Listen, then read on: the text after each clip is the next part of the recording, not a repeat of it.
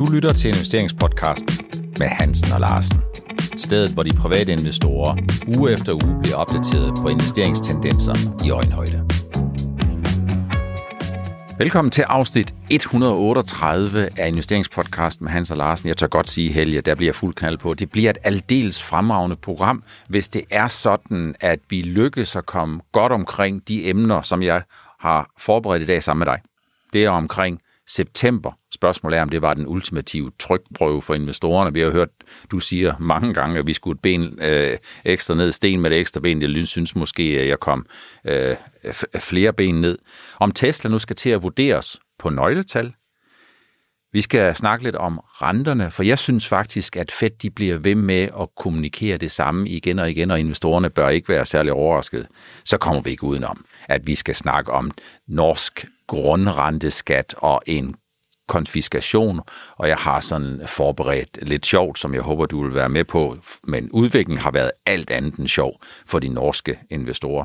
Så skal vi snakke lidt om game changer for Zealand Pharma.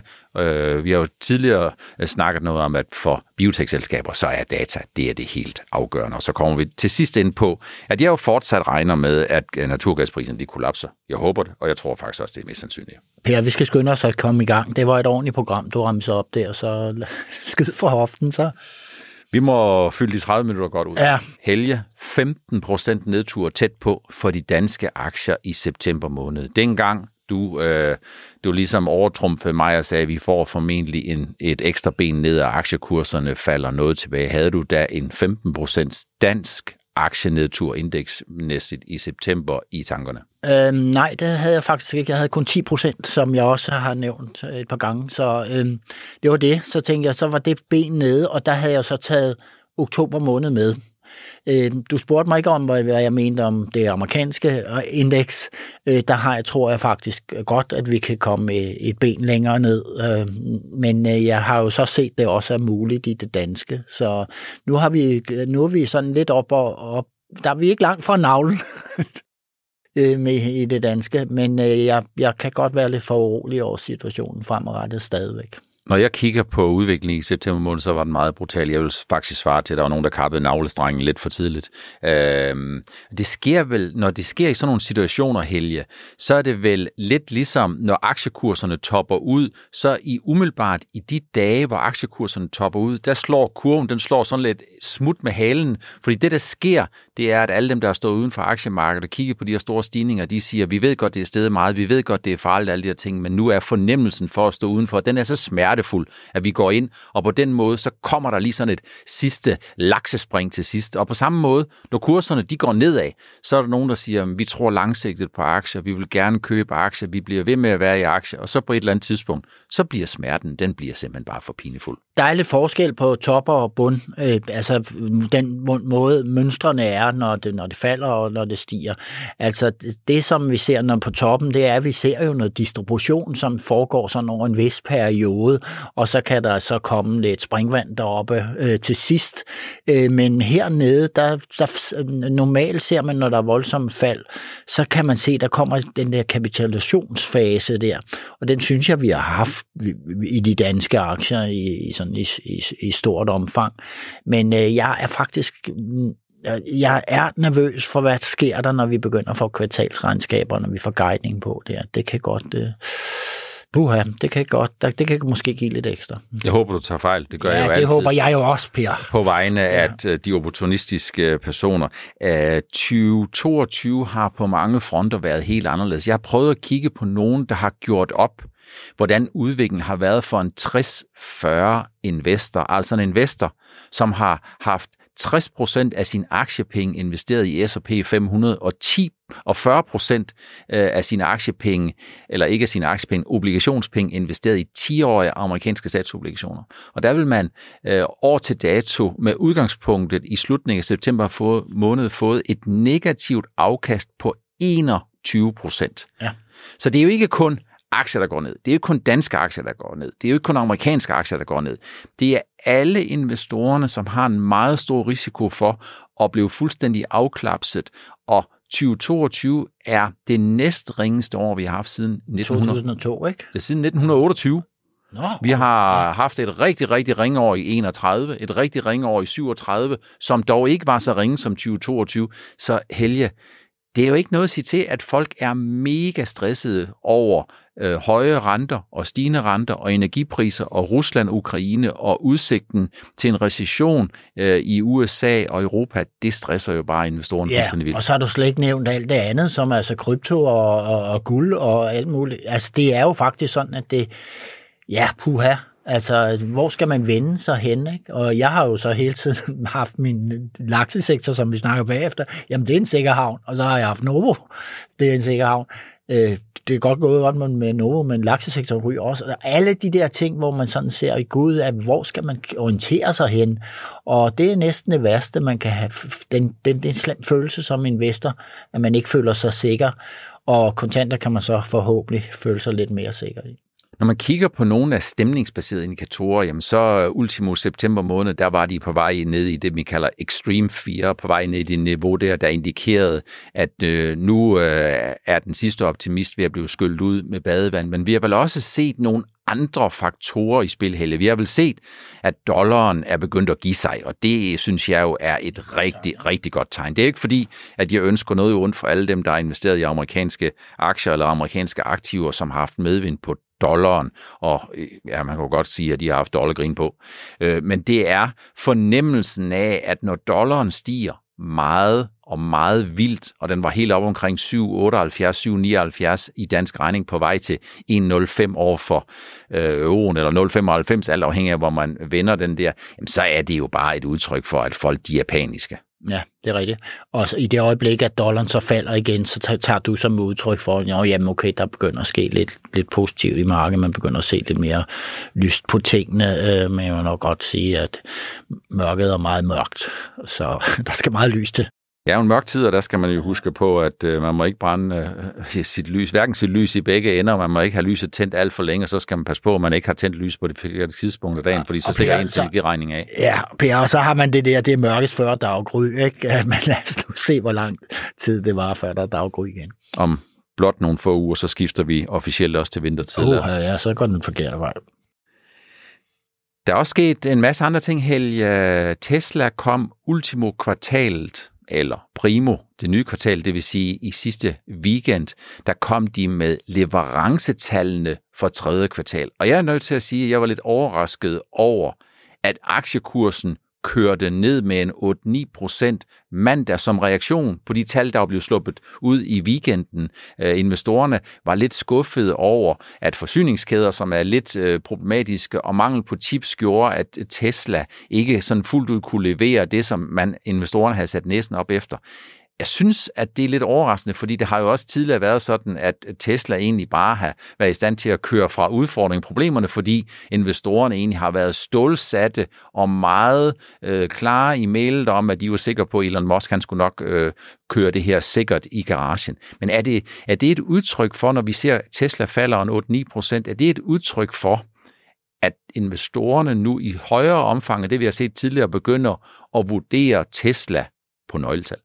Ja, det er det måske, men det er jo altså også et udtryk for den nervøsitet, der er i markedet, hvor vi har set, at, at, at selskaber, de falder jo på, når de kommer ud med, med, med, med tal på det ene og det andet. Øh, hvis de ikke er gode, jamen, så bliver man alvorligt straffet ved kasse 1.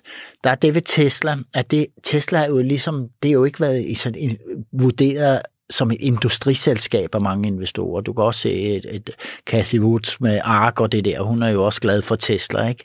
Altså, det er fordi, det, man siger, det er et vækstselskab, og det er et IT-selskab og alt muligt. Man fokuserer mere på det.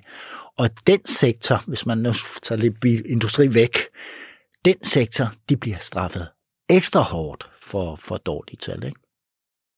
Vi har jo set, uh, Elon Musk, han er jo her der alle vegne, han er lidt aktiv, uh-huh. og uh, hvis vi går en 4-5 måneder tilbage, så skulle han købe Twitter. Han uh, fandt senere ud af, at den due diligence, han har sagt, han ikke behøvede, den skulle han måske have lavet alligevel. Så fortrød han, Mr. Market fortalte ham, at det der med Twitter, det var en, et højt prissat uh, aktiv, Øh, og Mr. Market sagde jo det egentlig ganske klart til Elon Musk, han skulle sådan set fortryde, fordi aktien blev handlet væsentligt væk fra de 54 dollar 20 eller 44 milliarder US dollar, som Elon Musk havde fået en god idé, han ville købe Twitter for. Men nu er han kommet på øh, andre tanker igen, øh, og øh, det ser ud som om, han vil gennemføre købet. Øh, og der, hvor jeg vil hen, Helge, det er, tror du, det får nogen betydning for Twitter eller for Tesla-aktien?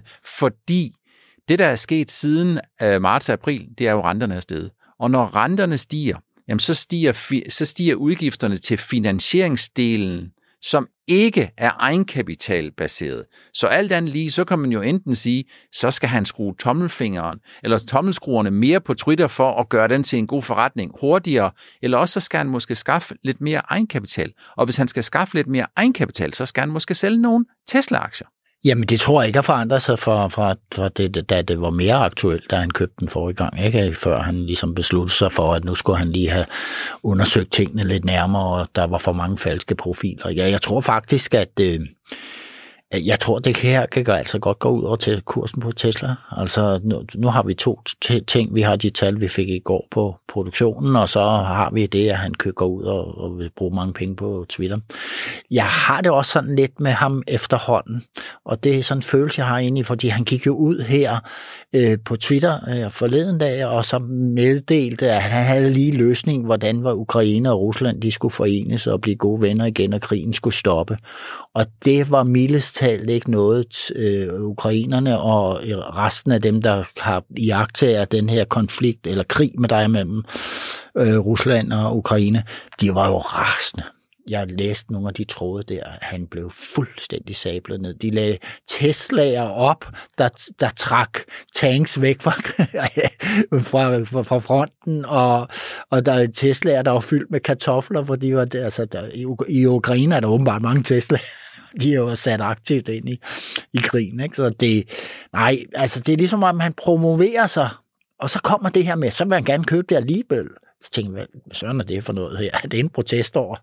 Der er nogen, der protesterer over dig, ikke? Så ja, jeg ved det. Jeg er meget usikker på manden øh, med, med de udmeldinger, der kom på det sidste.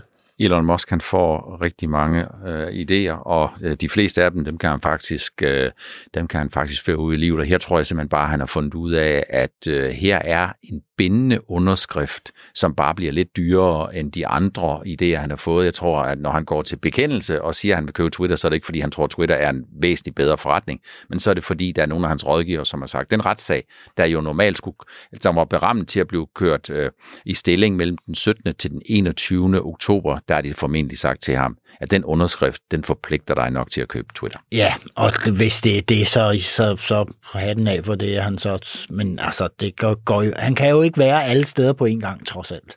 Det er tæt på. Ja. Jeg er blevet lidt træt af centralbankfolkene i USA, Helge. Det er jeg nødt til at gå til bekendelse med. Og det er jo fordi, at hvis vi øh, kigger 14 øh, måneder tilbage, der var der jo mødet i Jackson Hole i USA i Wyoming. Og øh, der var det holdningen, at øh, inflationen, de stigende priser, det var et forbigående fænomen, det skulle vi tage det ganske stille og roligt Men Jeg skal love for, at øh, pipen har fået en anden lyd, og øh, vi snakker jo stort set ikke om andet inflation. Måske de allerseneste dage, der er der måske et håb om, at vi er ved at kunne spejde os til at se inflationstoppen. Men ikke desto mindre, så fortsætter centralbankmedlemmerne i USA med at sige, at renten er slet ikke restriktiv nok, den skal yderligere op. Men det er jo en form for dobbeltkonfekt, Helge, for på det sidste pengepolitiske møde i Fed, jamen der var det sådan, at de der renteprikker, som viser vejen for, hvor Fed Funds er på vej hen, og hvor centralbankmedlemmerne, de tror, det er på vej hen, den indikerer en top omkring 4,38-44. Og det betyder jo, at på årets sidste to møder, der skal vi, hvis vi når det op, der skal vi have renteforhold på cirka 0,75 hver gang. Så når nu de siger, at renten skal yderligere op, så er det jo dobbeltkonfekt, fordi det er jo sådan set det, de allerede har sagt 42 gange, er det ikke det? Jo, og det praller af som vand på en gås, for i hvert fald for mit vedkommende. Fordi jeg har set det her mønster, hvor man, man, man siger et fra selve centralbankens side, og så efterfølgende eller før, så kommer de her medlemmer af, af, af det, det her system jo frem, og så med, melder de jo stort set det, som er den officielle politik, og det har de også gjort her. Jeg tænkte, jeg tænkte faktisk sådan lige, hvorfor, kom, hvorfor, hvorfor siger du det? Vi ved det jo godt i forvejen. Og du siger, at vi var trætte af, af, af centralbanken, og det er centralbankerne, det fordi det er også den europæiske der for halvanden år siden, for vi forstod jo simpelthen ikke, at de ikke gik ud, øh, og så allerede tog, tog fat i nælden dengang. Ikke? Og så har vi jo set det her cirkus, og jeg håber, at det, det hjælper med de her lidt for lidt lidt hisige øh, forhøjninger her, der kommer to, næste to gange. Hvis man bliver i tvivl om, hvordan rentekurven den øh, ser ud, så gå ind og kig på US Treasury Yield. Der vil I kunne se, at rentestrukturen er jo sådan, at fra 0 til 2 år, jamen der er rentekurven stejl, og så fra to år og så ud i det længere løbende øh, 2 øh, versus 10 eller 2 versus 30, jamen der kan man se, at investorerne punkt 1 priser en recession ind, fordi hver eneste gang, når du har en invers rentestruktur i det spænd, jamen så har vi formentlig jo fået en recession. Det er desværre også det mest sandsynlige for den her gang. Øh, så investorerne, de siger, hold nu op med det der, fordi vi har hørt det så ofte, og der går formentlig ikke særlig mange kvartaler, før I ændrer retorik igen, og I kigger meget i bagspejlet, i det gyldne bagspejl. Det var meget, meget bedre, hvis I kiggede sådan lidt fremadrettet og så, hvad der var, der ville ramme øh, økonomien. Og sådan lige her tirsdag, eller også var det mandag, nu er jeg sådan en lille smule i tvivl, der var det vel sådan, Helge, at når man kigger på de amerikanske job openings, altså hvor mange nye jobs er der, bliver der slået op, så øh, er det faktisk rigtig, rigtig meget på vej ned. Og det er jo en del af den her rebalancering af forholdet mellem udbud og efterspørgsel. Ja, og det kommer sådan med forsinket virkning. Ikke? Altså, at øh, arbejdsmarkedet føler jo først efter der, 3 til 4, 5, 6 måneder, fordi man vil jo gerne beholde sine med, gode medarbejdere. Altså, der, det, der er lidt træt i det system. Altså, og så lige pludselig, så sker der det, når jeg sådan husker tilbage gennem årene, når man har været sådan en situation, hvor, hvor der kommer lavkonjunktur, så lige pludselig kommer de der store fyringer, og vi så det faktisk her, hvor det var Siemens Gamesa, der, der var ude. Store fyringer inden for det grønne, hvad vi kan jo nok diskutere næste omgang her, hvorfor i verden der det sker i den sektor, ikke? Øhm, og det ruller som en, en, en snebold lige pludselig, ikke? og så er det, vi har det her, det der, der kan man sige, jamen der har vi en, dy, en måske en dybere recession foran os at vende på, hvor der bliver mange flere arbejdsløse. Jeg er, meget, jeg er personligt meget irriteret over, at øh, der ikke er, foregår en større investeringsaktivitet i den, i, i den der grønne sektor. Det er jo øh, ja. øh, stor ros faktisk til, til de danske politikere, som genstarter noget af den kapacitet øh, i Danmark, som jo desværre ikke er grøn, men som sikrer os at sende et signal øh, til energimarkedet, at der er faktisk energi nok i det danske system, så man ikke behøver at hamstre så mange kilowatt, sådan så øh, folk de skal betale 10, 12 og 14 kroner for at lave en lille smule aftensmad, når de skal have fadkoteletter i ovn. Det hører jo ingen steder hjemme, og øh, der er det bare sådan, at det eneste, der kan drive priserne sådan for alvor ned, det er tilstrækkeligt udbud i systemet. Og hvis man ikke har det, så får man et kæmpe velfærdsstab, for alle kommer til at betale alt for meget for energien. Helge, vi har været en lille smule inde på det, og hvis nu jeg begynder at afsynge I like to move it, move it, hvad tænker du så? Ja, så tænker jeg på, at der er ingen grund til at synge, Per, fordi at det her, som den norske regering har ud af det blå kommet med, og uden at lytte til det udvalg, der var nedsat til ligesom at undersøge, hvordan kan man beskatte øh, øh, øh naturværdier. Øh, ud af det blå, så kommer de med en voldsom beskatning som på laksesektoren, men også faktisk på vandkraft og så på vindkraft på, på land. Og det vil sige, at det, det, man beskatter, det ved vi jo godt, det får man, får man mindre af. Men i det her omfang, så er, er det, man får mindre, jo helt enormt stort. 58 milli norske kroner, øh, milliarder norske kroner falder børsværdierne med. På, med. Øh, Forløb er der meldt øh, ud fra selskab, opdrætsselskaber i Norge, at øh, man stopper investeringer for 16 milliarder. Og det, man skal tænke på, det man stopper, det er primært, at man på landbaserede anlæg, hvor man kan ligesom få, under bæredygtige forhold kan få laksen til at vokse større, før man sætter den ud i fjordene. Det er også det, der hedder onshore, altså man, man prøver at sige, i stedet for de her belaste fjordene, så vil man flytte ud på det åbne hav, hvor hvor man ikke kan mærke belastningen. Og det kræver kæmpe investeringer. Det, det stopper man, fordi det her forslag, det er endnu ikke vedtaget, men det her forslag kan, kan få enorm betydning. Og så får så der lige, lige en krølle på halen, det er, at de laks-selskaberne i Norge, opdrætsselskaberne, både dem, der er børsnoteret og dem, der ikke er børsnoteret, de har altid udbetalt rigtig gode udbytter i gode tider, og det beskatter staten jo. Så hvis man lægger det hele sammen, jamen vi skal have flere penge hjem til stat og kommune, øh, og hvis man regner ud, hvad det netto betyder for de samlede skatteindtægter, så er det ved at gå i, gå i stort minus. Det lyder som noget af det, vi har været inde tidligere, som jeg vil sætte ord på at sige, øh, økonomi, det er politik i, blinge, i blinde. Og når det er sådan, at jeg tager øh, lytterne med tilbage til øh, Madagaskar og I like to move it, move it, det tror jeg, de fleste måske har inde på nethinden, så er det selvfølgelig for... Skal vi lige sige movie? Det, det er Movi, som er det største selskab i verden. Som der er det største selskab i verden, og som jo... Øh, forsøger at sige til politikerne, der findes en verden uden for Norge, og Movi er jo en af dem, som faktisk har, jeg tror, det er ikke så langt fra 50 procent af deres øh, forretninger. Øh, dem har de måske i Fær, Færøerne, de har dem i Skotland Canada, øh, og Canada, og måske også noget i Chile. Det Asien ved. og... Ja, så det er bare et rigtig godt eller rigtig skidt eksempel på, Helge, at når man sidder i en alt anden lige verden og planlægger noget, så er det jo ikke så godt, hvis det er sådan, man ser dårligt og man hører dårligt. Og det vi kommer til at se, det bliver jo velkommen til den virkelige verden, for vi kommer til at se, at alle de norske selskaber, de kommer til at melde ud både at de investeringer, som de havde planlagt, og måske også en del af dem, som de faktisk allerede er i gang med, jamen den sætter de sådan set bare på hold. Og det er fordi, at hvis man marginalt skal betale 62 øh, procent, 40 procents grundrenteskat over, oven i selskabsskatten, og så betale en lang række øh, plus minus, så så jeg nogen, der ligesom regnede sig frem til, så kunne man komme op til 85 procent, og det har jo ikke ret meget med beskatning at gøre. Det er jo sådan ren fordelingspolitik. Ja, fuldstændig. Og man kan se, at det startede jo med, at man øh, satte formueskatten op, og nu skal vi have fat i de rige. Øh, det har sådan virkelig været Socialdemokratiet og de grønne deroppe, det, det har de virkelig meldt ud. Og nu mener man jo så, og det er jo det, der er så forfærdeligt, men hver gang laksesektoren har klaret sig godt i nogle år, den, den har faktisk haft sådan en cyklisk natur, det er siden øh, 1980'erne, øh, så hver gang den har klaret sig godt i nogle år, og det, der er højkonjunktur og lavkonjunktur i mange brancher, så har man snakket om øget beskatning. Og så er man jo så kommet ind, hvor der er i lavkonjunktur, ikke? Øh, og det, det har jo så jævnet sig ud øh, de sidste 15 år, ikke? Men, så det, det er gået generelt godt, men det er ekstraordinært godt, og ny rekord i øh, år for, for, for, for eksporten af, af fisk, og primært laks. Ikke? Øhm, det har de præsteret, den her sektor. Og så vil man gerne beskatte det, når det går godt.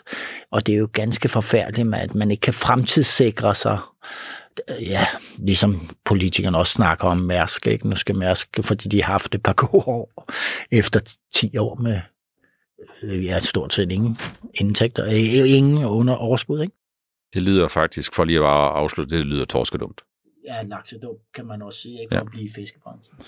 Så Inden vi nu kommer og skal snakke lidt om Silan Pharma, øh, så bare lige et enkelt ord. I starten af den her uge, der havde vi øh, Credit Suisse, som gav øh, investorerne øh, en risikopåmindelse og var ved at tage os på vej tilbage til finanskrisen. Vi så øh, for eksempel udvalgte danske bankaktier, Danske Bank, Sydbank, Jyske Bank, som lige mandag fra morgenstunden faldt den 8-10 procent.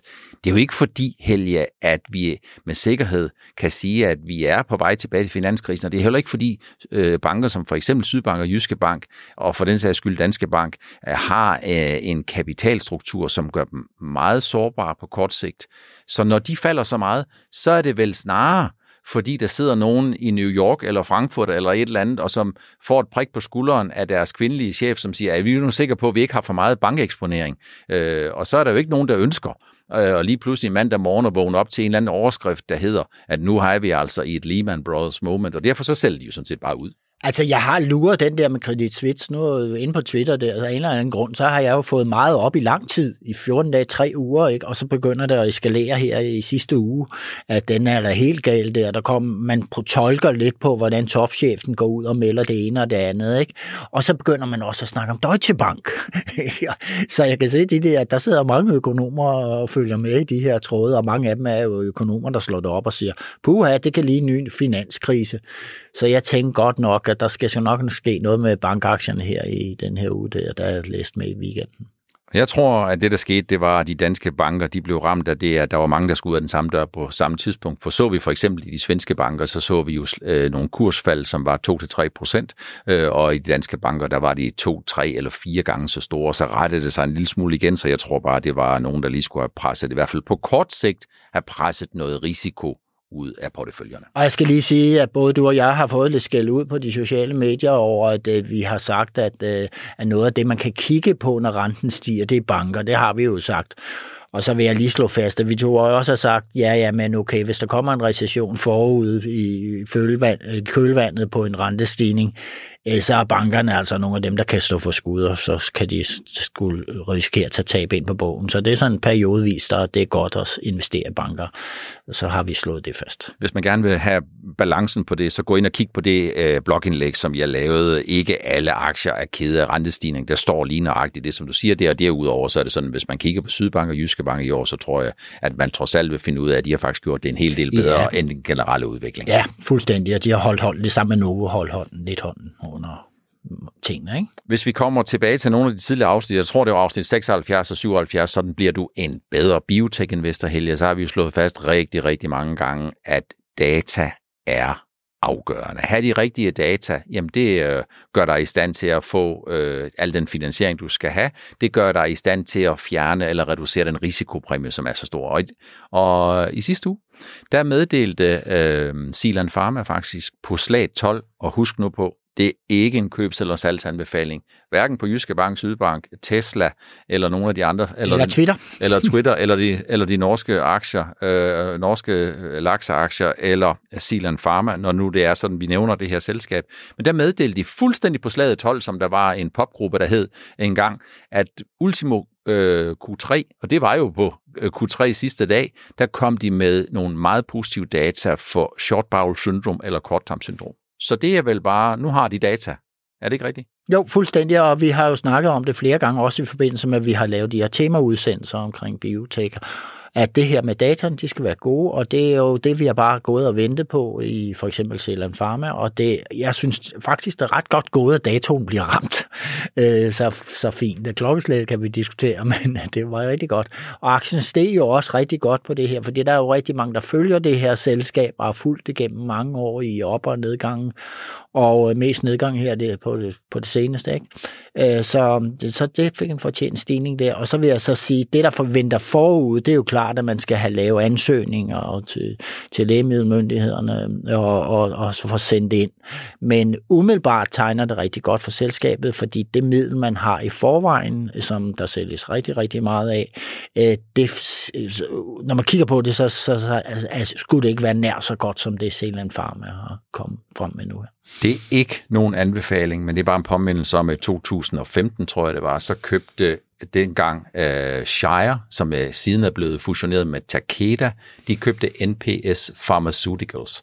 Og NPS Pharmaceuticals, det er sådan et rare disease-selskab, øh, altså en sjældne sygdomme. mod sjældne sygdomme, og deres hovedprodukt, det var Gatex, og det var mod short bowel syndrom, og det betalte de en bagatelle af 5 milliarder dollar for på daværende tidspunkt. Det er ikke nogen anbefaling om, at uh, der er nogen, der kommer og køber uh, Zealand Pharmas produkt til samme priser, det ved vi ikke noget om. Uh, men det, som uh, i hvert fald jeg har læst mig til og været informeret om, det er, at produktet her er væsentligt bedre, og det har en helt anden og meget bedre bivirkningsprofil. Og så kommer der en meddelelse her øh, i går, at øh, Zealand Pharma de har gået ud og, og, og solgt aktier øh, og fået en 480 millioner i kassen, og det giver jo en vis ro i maven for selskabet, sikkert fordi de skal jo bruge penge til ligesom at, at få, få det her kørt i stilling, og så må man sige, så er der jo nogle af de her låneforpligtelser, som vi snakker om før udsendelsen, som de måske kan slippe ud af. Jeg tror, du sagde 480. Jeg tror for måske snarere beløbet er 780. Eller er det ikke næsten, er det ikke i underkanten af 5 millioner aktier eller noget af den stil? Jo, det er selvfølgelig ret Noget af den stil. Ja. Så uanset hvad, det er et stort beløb, de sikrer sig et kapitalberedskab, sådan så de får en bedre forhandlingsmulighed, når de skal ud og lave nogle aftaler med dem, som er formentlig kommer til at distribuere det her ting. Det var det, som vi havde valgt at tage med i afsnit 138 med, med investeringspodcast med Hans og Larsen. Helt som øh, beregnet Helge, der er fuld knald på, og vi når faktisk ikke mere. Vi er lige omkring og har passeret 29 minutter. Tak fordi I fulgte med og jeg håber, at I også har lyst til at lytte med i næste uges afsnit 139 af investeringspodcasten med Hans og Larsen.